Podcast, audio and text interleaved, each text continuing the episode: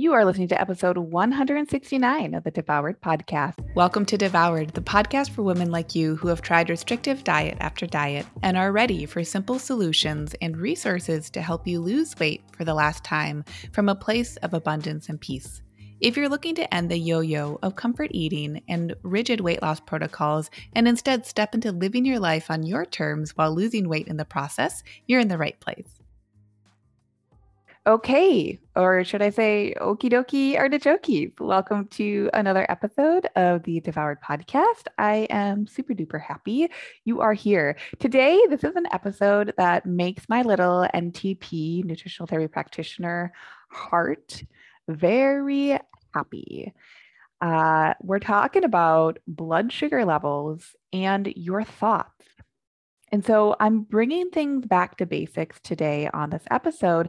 I want to give you an overview and primer of how your blood sugar levels and what they do throughout the day can affect the thoughts you think. Now, so often in coaching, we really focus on thoughts first and that what and how we feel can come from our thoughts. But we have to reverse engineer things a little bit because the thoughts we think are coming from our bodies. Like we talk about the brain so separate from the body so often, I think just in life in general, but that does doesn't quite serve us when we remember that our brains are housed within our bodies. Like our brain is an organ in our body. And so when we are able to recognize both emotionally what's happening and also physiologically what's happening when we're experiencing the effects from our blood sugar levels and how they vary throughout the day, I just think this is going to be really helpful as well as a bit of a balm for many of you. Because those of you who listen to this show, if weight loss has been this recurring thing for you, then more often than not, you probably have a body that needs a little bit of extra love, support, and care. And you know, you might have some thoughts around that, like, well, why do I need extra love and care? What, what, like, why, why, right? Like, why? Even if you do have an autoimmune condition or you don't, guess what? Our like society serves us with this idea that like we should just be robots. We should be good to go. We should eat the foods we eat. We should move on. And if we need anything else, we're too much, we're extra. I really want to dissolve that here and say, like, your needs are radically yours. It's kind of like the idea of, like, hey, eyes on your own plate. Like, don't worry about what other people need to be eating, what they choose to eat, why they choose to eat stuff. The only stuff that actually matters for you and your body are the foods that you're eating. Of course, you know, when I've chatted about that before, I will add the additional layer that, like, yes, we are social beings in the social world and we learn socially, right? If you're listening to this episode, you're learning from me, another person. like, we don't have to pretend that we're eh, we're individuals that exist in vacuums, but additionally, more times than not, when we get to a certain point in our lives, what we've practiced is looking at, uh, at what other people do instead of practicing what is it that I want to do with all of the information that I've gathered throughout my life. Because guess what? You have a lot of information that you are bringing to your table and your plate. And you can use that really effectively and actually teach yourself and begin to practice with yourself the art of, in this case, losing weight. And in other cases and on other shows, the art of whatever it is that you want to be accomplishing with yourself. So, at the intersection of the art of losing weight and blood sugar levels, the too long don't read, okay, is that if we are having blood sugar levels that are fluctuating wildly throughout the day, we're on like a bit of a roller coaster, meaning we have blood sugar highs, we have blood sugar lows, and then we have blood sugar highs, and then we have blood sugar lows throughout the day. This is first and foremost a stressful experience on our bodies. Our bodies, with the foods that they evolved to eat, were intended to have blood sugar levels that gently rise and gently fall throughout the day. It's, more like a super gentle uh, wave in like a, a tidal pool, like a very gentle ripple. There's nothing dramatic about it. There's no like 45 degree angle or more or 90 degree angle to the rise and the fall of our blood sugar levels when they are balanced. It's a gentle wave. When our blood sugar levels are not balanced and when they are dysregulated, there are much more abrupt highs meaning our blood sugar levels raise really quickly. And because of that intense increase, they then fall dramatically.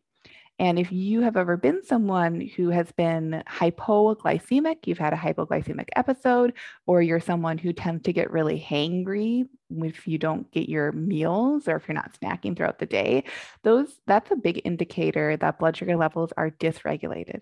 Now, first and foremost, nothing's gone wrong.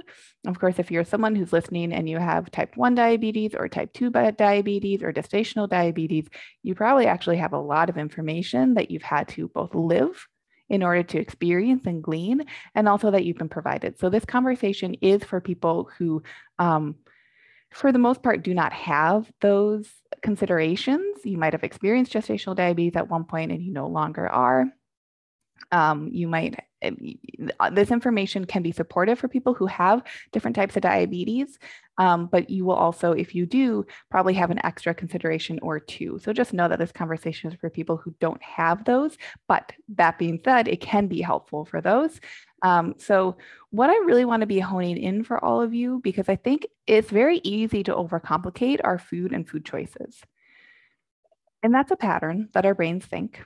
And we can just love that if we start to like get down on ourselves because we overcomplicate things and that's something that we've learned and that we practice which i think comes from the culture of dieting we're not going to get very far.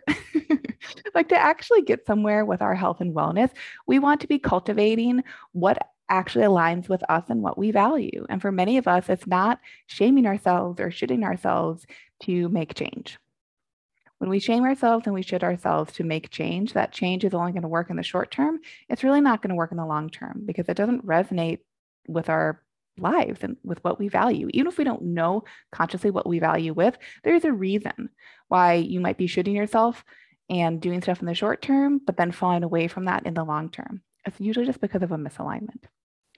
And so here's the too long don't read with blood sugar levels and weight loss. For the easiest weight loss, you want your blood sugar levels to be really beautifully balanced.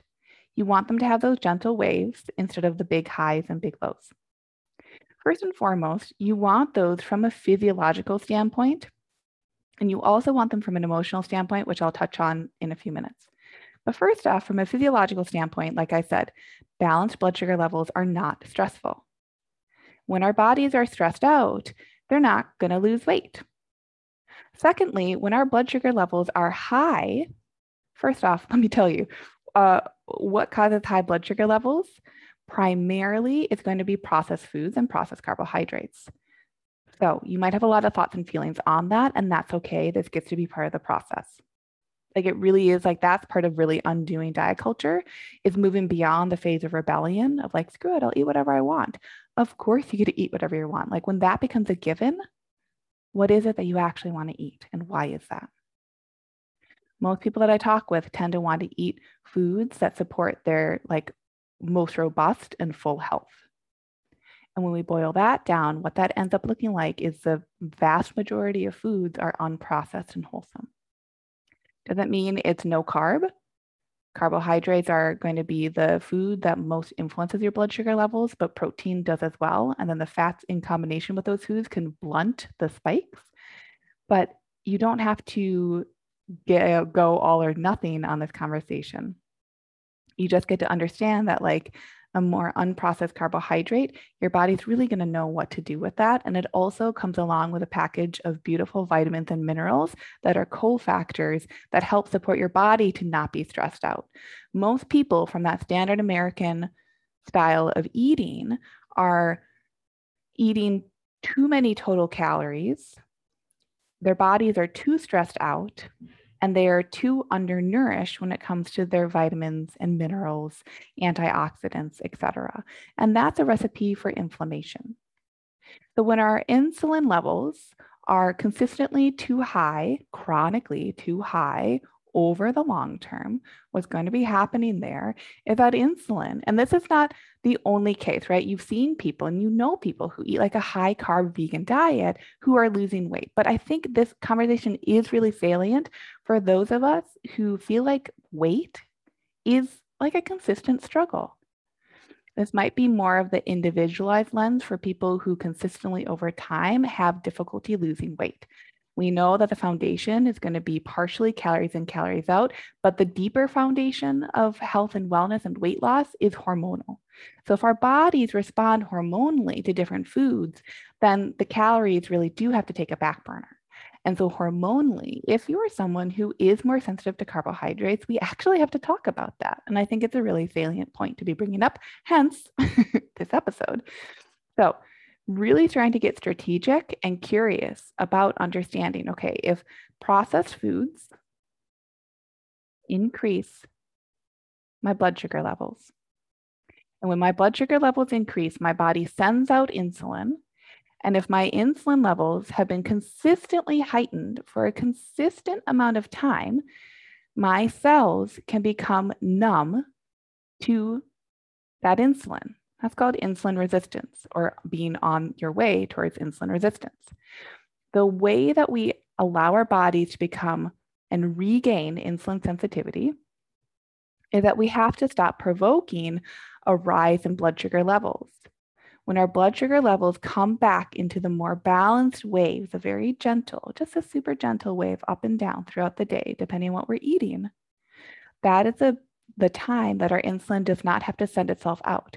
This is why in Lean and Liberated, I do emphasize fasting because it's a really supportive tool for us to be able to regain insulin sensitivity and we regain insulin sensitivity, then we're really able to, again, this is just a physiological standpoint, we're really able to say, oh, how is it that I'd like to be eating carbohydrates? I don't feel like I have to be stuck with eating keto or eating no carb or going on an extreme, even if those styles of eating have helped me lose weight in the past.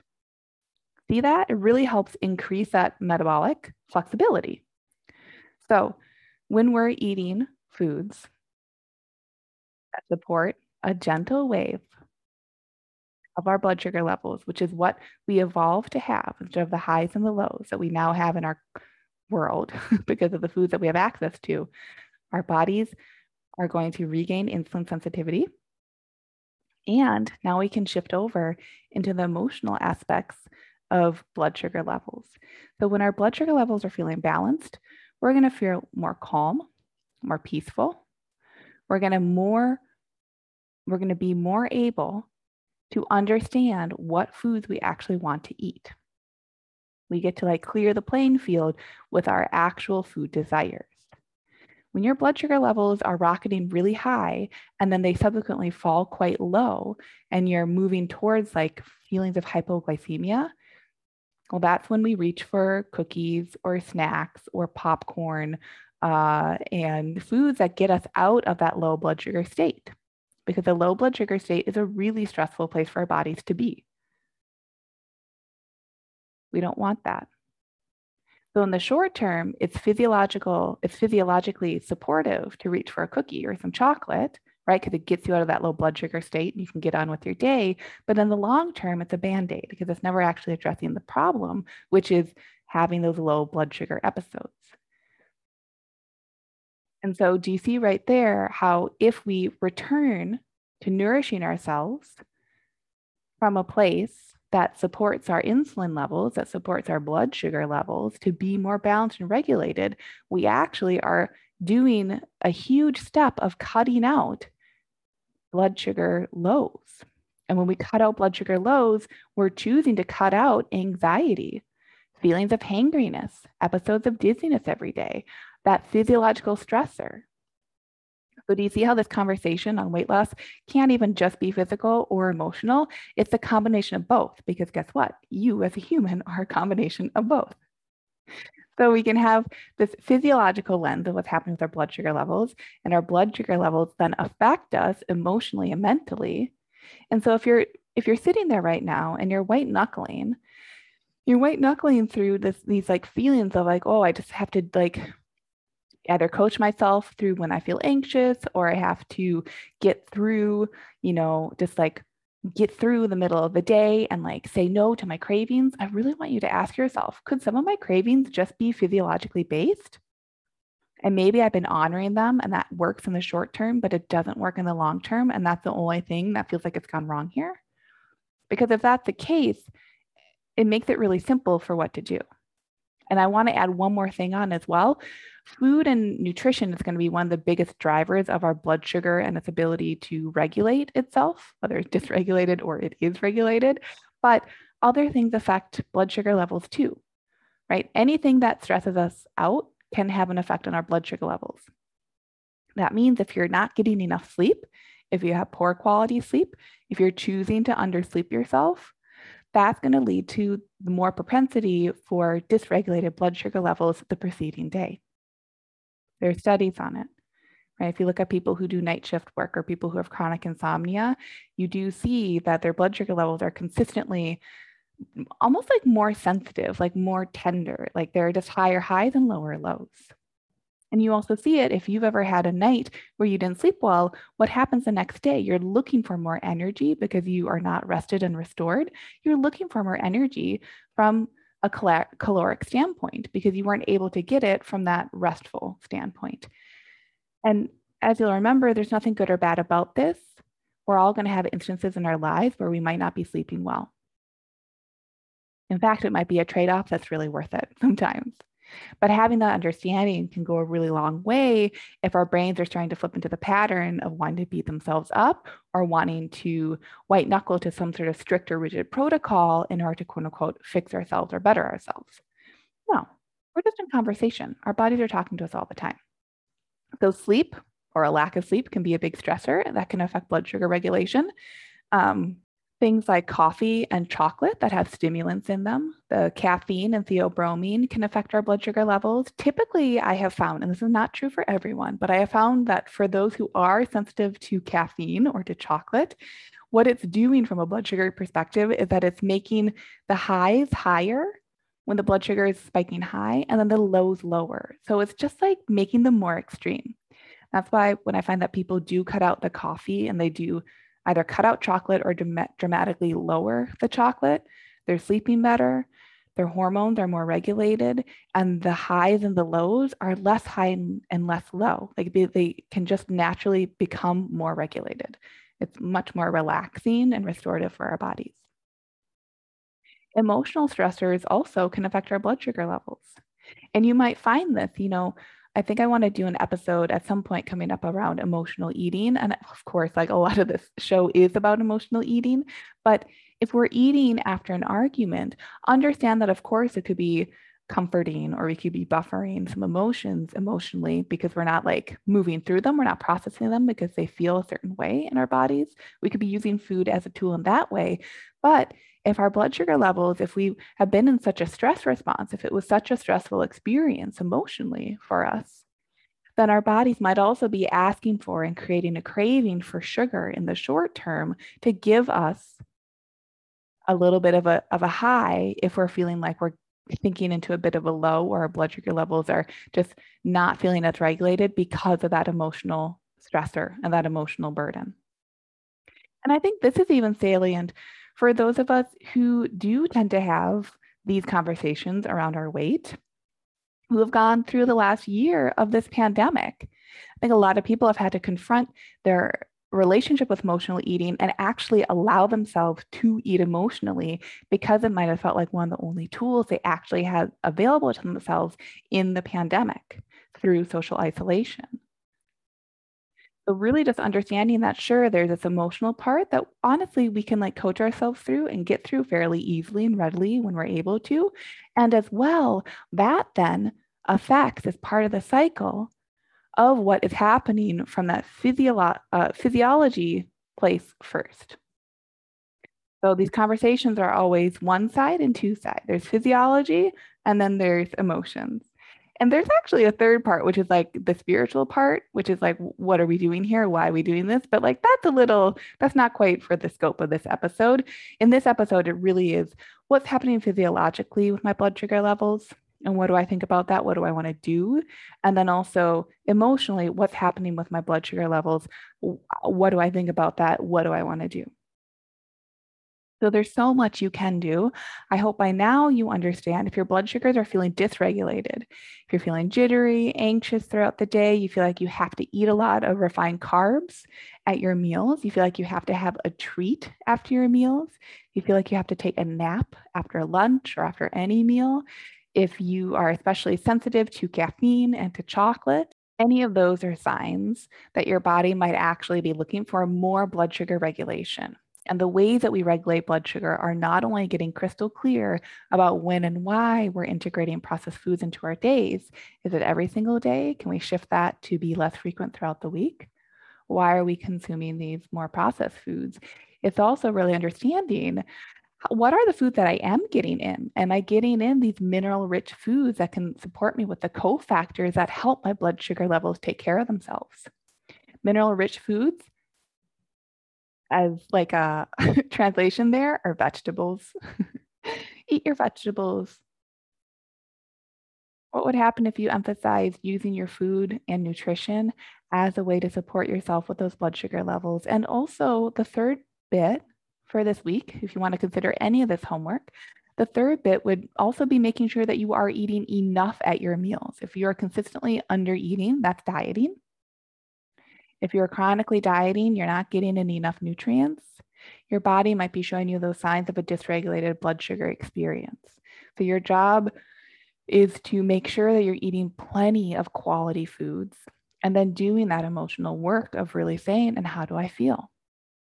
because some signs I'll add this in too, some of us can be anxious. And so those signs of anxiety or anxiousness can also affect our blood sugar levels. So, really getting curious with yourself and journaling with yourself. Am I trying to hyper fixate on and figure out my blood sugar levels or the amount of food I'm eating? Or am I looking at this with an anxiety first lens? And if I'm doing that, then I'm going to be on hyperdrive on trying to fix myself. So none of this conversation is saying, what can I do to fix it to make it better? All of this conversation is saying, what am I noticing authentically, truthfully? How do I feel about that? And where would I like to shift from reflection into action? Not to fix or better anything, because it all just is, but really to come home into myself and say, why is it that I'm taking the actions I take? And if there's anything I'd like to shift, how can I begin that shift in the most loving way possible? That is truly how we dismantle diets, even when we're having the truths and realities about our bodies, our human bodies, our bodies that do have physiologies, that do have some truth to them. You know, lean and liberated, like I'm not shy to tell people there are truths to just what's going on. Like, we're, of course, you could lose weight only eating chocolate cake, it wouldn't be very much chocolate cake every single day. But do you want that experience in your life? Or do you want the experience where you're full of nutrients, where your body has the tools that it's been asking for, and that you understand that, like, some of the time and most of the time, food and nutrition is going to be kind of boring, but it can be gloriously boring. Those hyper palatable foods are hyper, hyper palatable for a reason they're new and novel on our bodies, and new and novel stuff is usually kind of stressful. So, how would I like to bring myself home into these truths of nutrition while also making sure that I integrate what it is that I desire in my life? When we're at that intersection, that's when weight loss can become easy because now we've taken the emotions, they're not out for forever, but they're like, but they make sense. And we have our action plan. And when we're at that intersection, that's when we start to understand that no emotions are bad emotions. It all just is. Our body sends us signals. It's our job to listen. And the more we practice coming at this from this place of wholeness, of being, uh, having our decisions be based in our values, the more we untangle that web of dieting and the diet cycle. And the more we just get to say, oh, this process this process of weight loss is for me by me. I can't mess it up. I'm always learning. I trust myself and I've got this. I hope this episode found you well, and I'll see y'all in the next episode. Bye. Did you know you can find more support from me on my website? Go to Lucia Hawley, L U C I A H A W L E Y dot com to connect.